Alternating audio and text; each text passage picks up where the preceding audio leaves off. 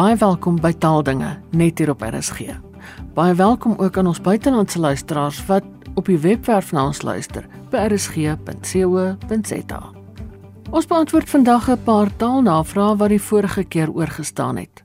Ouder gewoonte is my gaste die senior mede-redakteur van die Woordeboek van die Afrikaanse taal, Alet Kloete, en die mede-redakteur Gerda Odendaal. Alet Neskierig van Kaapstad het 'n interessante vraag geskryf. Die persoon sê: "Kan julle dalk bietjie praat oor motorsportterme bivak en bivakkeer?" Ek het altyd gedink bivak is 'n militêre term, maar dit is blykbaar 'n gevestigde term in motorsport. Kan julle asseblief bietjie meer oor die woorde vertel, soos oorsprong en betekenis? Alet? Ek het bivak ook net in die militêre uh, konteks geken. 'n Bivak is 'n leerkamp in die oop veld en bivakkeer is dan nou die werkwoord wat daarvan afgelei is en wat beteken om in die oop veld te kampeer. Ons het die woord uit Nederlands geërf, bivak en bivak het ook 'n wisselvorm in Nederlands bivouac en dit kom uit die Frans bivouac wat interessant genoeg oorspronklik kom uit Hoogduits, baiwagge. En oorspronklik het daardie baiwagge beteken 'n patrollie burgers wat dan veral snags of by spesiale geleenthede as versterking van die gewone stadswag gedien het. Die woord het betekenis uitbreiding ondergaan en sedertdien eh, beteken dit nou ook enige kamp wat gewoonlik vir 'n kort periode in die veld opgeslaan word. As 'n mens nou na die motorsportterrein beweeg, dan dink jy aan die Dakar resies waar die deelnemers aan 'n tydren in so 'n bivak oornag. Daar kan tot 4000 mense gehuisves word. En dit sluit dan nou die deelnemers, die werktuigkundiges, die spanlede, die beamptes, mediese personeel, joernaliste en dis meer in. Daar's ook spesieniers en skoonmakers wat in so 'n bivak saamtrek. 'n Mens sou dus kon sê die bivak is dan 'n soort rondtrekkende dorpie. Gerda Magriet vra of jy asseblief kan verduidelik oor die meervoud van woorde soos direkteurs-generaal en regters-president as ook sekere militêre range wat volgens hierdie patroon werk. Sy sê in my dae het mense dit op skool geleer, maar nie eintlik die redes daarvoor nie. Goed, Magriet reël 14.13 van die Afrikaanse woordelys en spelreëls lui as volg. By koppelings wat saamgestelde amptbenamings uitdruk waarvan die laaste deel 'n kwalifiserende bepaling van die eerste deel is, kry die eerste deel van die koppeling die meervoudsuitgang. Nou, dit sluit dan nou woorde in soos die twee voorbeelde wat jy genoem het. Met ander woorde, in die benaming direkteur-generaal is die kern van die benaming direkteur, want 'n direkteur-generaal is 'n spesifieke tipe direkteur. En om 'n direkteur die kern van die benaming vorm, kry hy die meervoudsuitgang wat dit dan direkteurs-generaal maak. Dieselfde geld dan ook met militêre en rangbenamings. Reël 14.12 in die AWS lei By saamgestelde militêre en soortgelyke rangbenamings kry die kernbenaming die meervoudsuitgang. Dit sluit dan nou voorbeelde in soos generaals-majoor, sersante-majoor, luitenant-generaals en luitenant-kolonels. In hierdie voorbeelde is die woord met die meervoudsuitgang telkens die kern van die benaming. So generaal-majoor weer eens 'n tipe generaal, daarom word die meervoudsuitgang by generaal geplaas sodat die meervoud dan generaals majoor is. Ons het vroeër met 'n vraag van 'n ander luisteraar 'n bietjie geraak aan kontaminasie en anoniem het op die SMS lyn gevra wat is 'n kontaminasie as dit by woorde of taal kom. Alet, kan jy bietjie verduidelik asseblief? Kontaminasie of 'n ander woord wat nou eintlik meer sê wat dit is, taalbesmetting, is die proses waar tydens woorde of uitdrukkings wat min of meer dieselfde betekenis het, met mekaar vermeng word en kontaminasie is nogal iets wat 'n mens in die teenwoordige tyd baie dikwels hoor want mense ken nie meer die taal so goed nie hulle ken nie woorde meer so goed nie en hulle is geneig om die woorde te vermeng. Voorbeelde hiervan is aanbetref wat kom uit aangaan en betref, bogaande wat kom uit bogenoemde en voorafgaande, mede-kollega wat kom uit medewerker en kollega, verassureer uit verseker en assureer en verkleineer uit verklein en kleineer of 'n uitdrukking soos byvoorbeeld in pleks van wat kom uit in plaas van en in die plek van. Nou as 'n mens voorskrifklik wil wees, dan sou jy nou kon sê kontaminasie moet liewer vermy word en dit is uit die bose. Maar aan die ander kant is daar ook van hierdie gekontamineerde forme wat inslag vind in die taal en wat jy baie moeilik uitgehaal kry en 'n mens sou dus kon sê kontaminasie kan ook 'n katalisator vir taalverandering wees. Ja, en ek dink baie daarvan is so gefestig dat mense nie eers meer bewus is daarvan dat dit dalk kontaminasie kan wees nie. Soos byvoorbeeld aanbetref, ja. Ja, ja. Martin sê dit klink vir hom al hoe meer of brutaal en wreed as sinonieme gebruik word. Nou sê hy, is dit nie anglisisties nie, Gerda? Ja, ons het brutaal aanvanklik uit Nederlands gekry en in Nederlands beteken brutaal astrant, vermetel of parmantig. As 'n mens byvoorbeeld die sê iemand gee vir jou 'n brutale antwoord, beteken dit dat hy of sy vir jou 'n parmantige of onbeskofte antwoord gee. Nou in Engels beteken brutal natuurlik wreedaardig. En omdat Afrikaans daagliks in kontak is met Engels en daar vormlik natuurlik 'n groot ooreenkoms is tussen brutaal en brutal, het Afrikaanssprekendes met die tyd die Engelse betekenis van die woord oorgeneem. Nou sommige taalhandboeke sal nog vir jou sê dat die gebruik van brutaal in hierdie betekenis anglisisties is. Maar interessant genoeg het Anton Prinsloo en François Oendal reeds in 1995 in hulle taalhandleiding Afrikaans op sy beste die volgende gesê: Hierdie onderskeid hou baie duidelik nog by min Afrikaans sprekende steek. Miskien is die tyd ryp om die betekenis van brutaal in Afrikaans te erken. Met ander woorde, taal verander gedurig. As die sprekers van 'n taal 'n woord op 'n spesifieke manier of in 'n spesifieke betekenis gebruik, is dit nie ons as woordeboekmakers se plek om te sê dit mag nie. Dan moet ons aanpas by wat die mense werklik gebruik. En soos ons kan sien, word brutaal nou alreeds vir baie dekades in die betekenis van wreedaardig gebruik. En daarom moet ons dit dan ook so in die woordeboek weerspieël. Alet ehm um, Sanet skryf. Nou ek moet sê hierdie is iets waaroor ek dikwels wonder.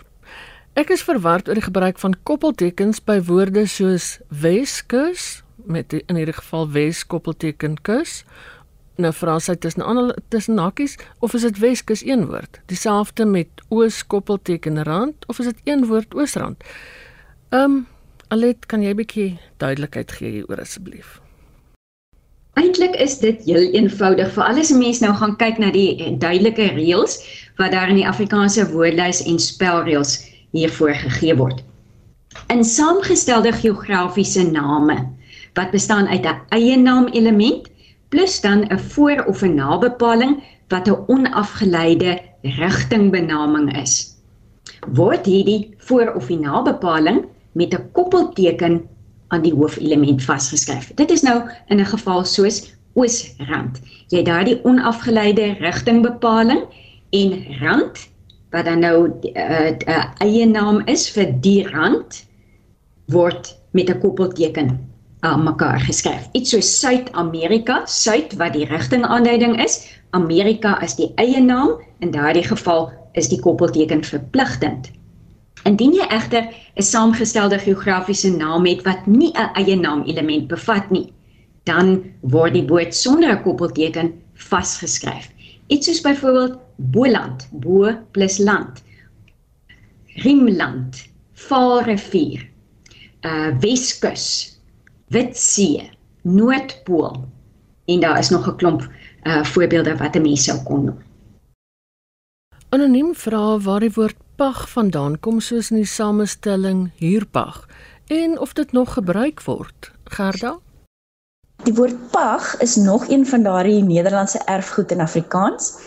Die woord pagt het reeds in Middelnederlands voorgekom in die betekenis van vorm van huur en dit is dan uit weer uit Latyn pactum ontleen wat verdrag of kontrak beteken. Die woord is aan die verouder in Afrikaans in die betekenisse waar dit gaan om 'n tipe huurkontrak of eiendom wat onderworpe is aan die voorwaardes van so 'n kontrak. Maar mens hoor tog wel nog die woord gereeld in die spreekwoord iemand maak asof hy die wysheid in pag het wat dan nou beteken dat iemand maak asof hy slimmer as ander is. O, ek het nie besef dis dieselfde pag nie. Nou toe nou. Ja. Iemand sê nou eendag Die minister is 'n regte kaartmannetjie. Nou my ouma het altyd die woord gebruik. Kan julle dalk sê waar dit vandaan kom en wat dit regtig beteken? En dit is Hannes in Pretoria wat die vraag vra. Alet? Nou ek dink nie as dit in eh, ten opsigte van die minister gebruik word dat dit so 'n onskuldige woord is nie, maar oorspronklik het dit 'n baie uh, neutrale betekenis gehad.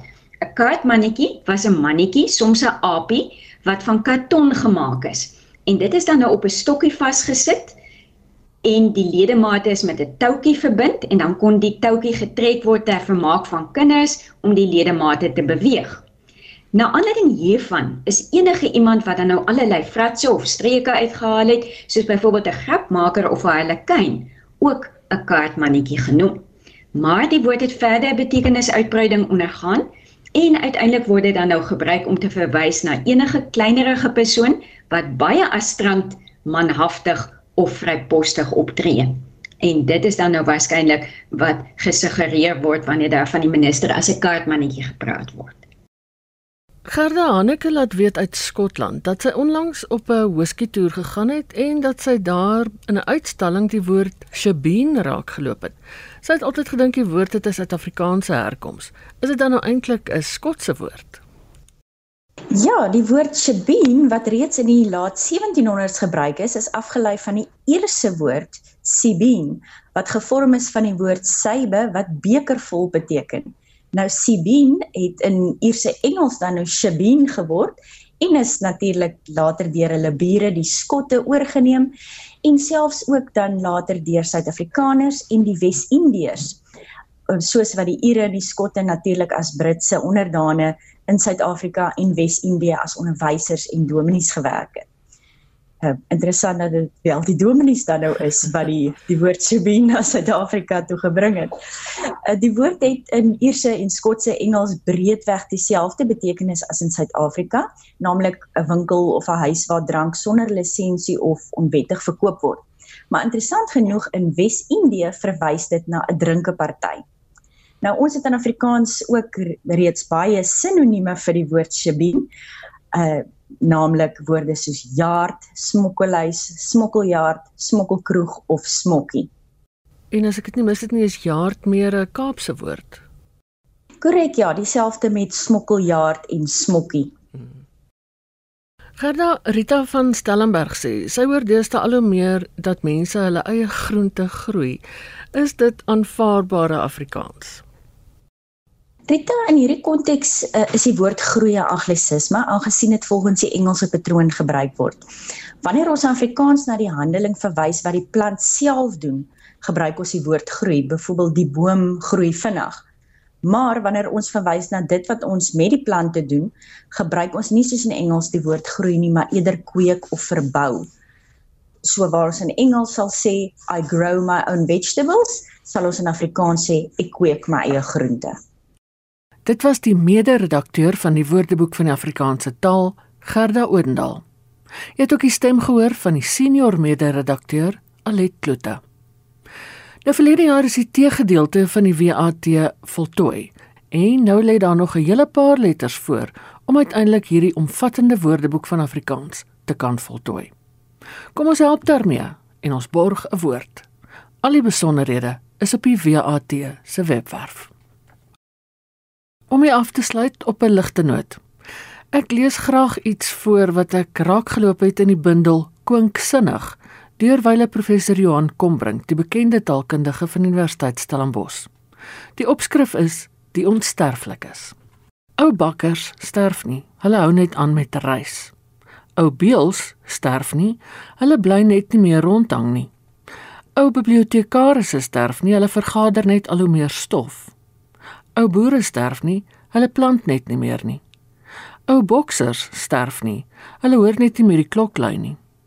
Ou dekane sterf nie, hulle verloor net hul fakulteite. Ou dosente sterf nie, hulle slaap net in hulle eie klas. Ou fotograwe sterf nie, hulle verdof net met ter jare. Ou jagters sterf nie, hulle sny net ander spore. Ou kokke sterf nie, hulle vure word net koud. Ou lorrydrywers sterf nie. Hulle trek net in in 'n koelde sak. Ou matrose sterf nie. Hulle raak net weg agter die branders. Ou pianiste sterf nie. Hulle verloor net hulle sleutels. Ou redakteurs sterf nie. Hulle gehoorsaam net hulle eie saktydreël. Ou regters sterf nie. Hulle lewer net nie meer uitspraak nie. Ou skrywers sterf nie. Hulle hou net op met skryf. Ou taalkundiges sterf nie. Hulle word net studiestof. Ou verslaggewers sterf nie. Hulle word net self die nuus. Ou vleeniers sterf nie. Hulle verdwyn net in die ondergaande son. En ou omroepers sterf nie. Hulle gaan soek net 'n groter gehoor. En net 'n klein stukkie oor klisjées wat hy geskryf het. Hy sê: Ek het eers baie klisjées gebruik, maar basies vermy ek hulle aan die einde van die dag, huidigelik, soos die pes. Nou ja, dit was net 'n klein uittreksel uit Kwinksinnig deur wyle professor Johan Kombrink ter afsluiting van die eerste maand van die jaar. Dis dan ook al vir vandag. Jy kan die potgooi aflaai by rsg.co.za indien jy weer na hierdie of vorige programme wil luister. En as jy taalnavrae het, my e-posadres is ina@rsg.co.za. Geniet die res van hierdie Sondag in RSG se geselskap. Bly veilig, bly gesond en van my Ina Strydom groete tot 'n volgende keer.